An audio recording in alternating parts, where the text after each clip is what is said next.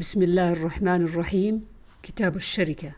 باب الشركة في الطعام والنهد والعروض. وكيف قسمة ما يكال ويوزن مجازفة أو قبضة قبضة. لما لم يرى المسلمون في النهد بأسا أن يأكل هذا بعضا وهذا بعضا. وكذلك مجازفة الذهب والفضة والقران في التمر.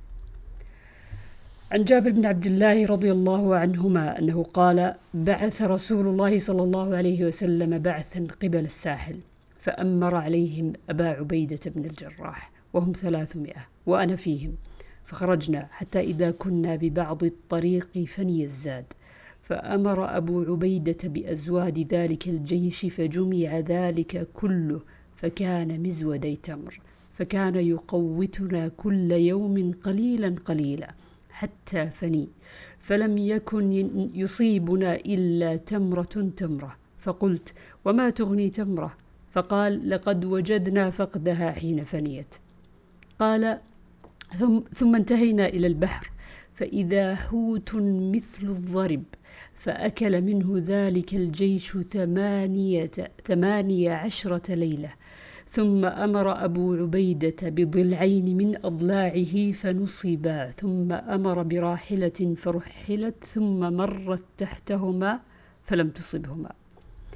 عن سلمة رضي الله عنه قال خفت أزواد القوم وأملقوا فأتوا النبي صلى الله عليه وسلم في نحر إبلهم فأذن لهم. فلقيهم عمر فأخبروه فقال ما بقاؤكم بعد إبلكم؟ فدخل على النبي صلى الله عليه وسلم فقال يا رسول الله ما بقاؤهم بعد إبلهم؟ فقال رسول الله صلى الله عليه وسلم نادي في الناس فيأتون بفضل أزوادهم فبسط لذلك نطع وجعلوه على النطع. فقام رسول الله صلى الله عليه وسلم فدعا وبرك عليه ثم دعاهم بأوعيتهم. فاحتث الناس حتى فرغوا ثم قال رسول الله صلى الله عليه وسلم أشهد أن لا إله إلا الله وأني رسول الله. اللهم لك الحمد. عن رافع بن خديج رضي الله عنه قال كنا نصلي مع النبي صلى الله عليه وسلم العصر فننحر جزورا فتقسم عشر قسم فنأكل لحما نضيجا قبل أن تغرب الشمس.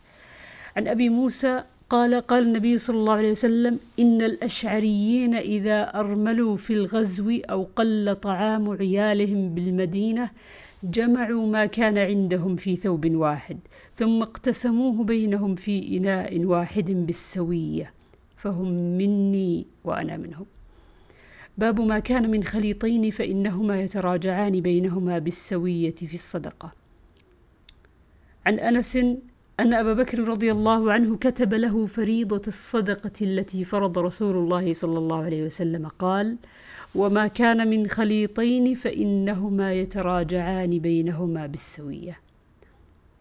باب قسمة الغنم عن عباية بن رفاعة ابن رافع بن خديج عن جده قال كنا مع النبي صلى الله عليه وسلم بذي الحليفة فأصاب الناس جوع فأصابوا إبلا وغنما قال وكان النبي صلى الله عليه وسلم في أخريات القوم فعجلوا وذبحوا ونصبوا القدور فأمر النبي صلى الله عليه وسلم بالقدور فأكفئت ثم قسم فعدل عشرة من الغنم ببعير فند منها ببعير فند منها بعير فطلبوه فأعياهم وكان في القوم خيل يسيرة فأهوى رجل منهم بسهم فحبسه الله ثم قال إن لهذه البهائم أوابد كأوابد الوحش فما غلبكم منها فاصنعوا به هكذا.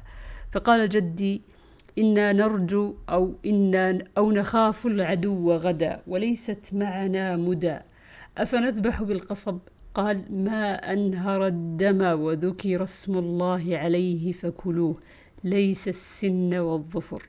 وسأحدثكم عن ذلك. أما السن فعظم وأما الظفر فمدى الحبشة.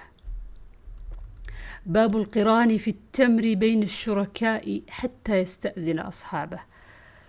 عن ابن عمر رضي الله عنه قال نهى النبي صلى الله عليه وسلم أن يقرن الرجل بين التمرتين جميعا حتى يستأذن أصحابه.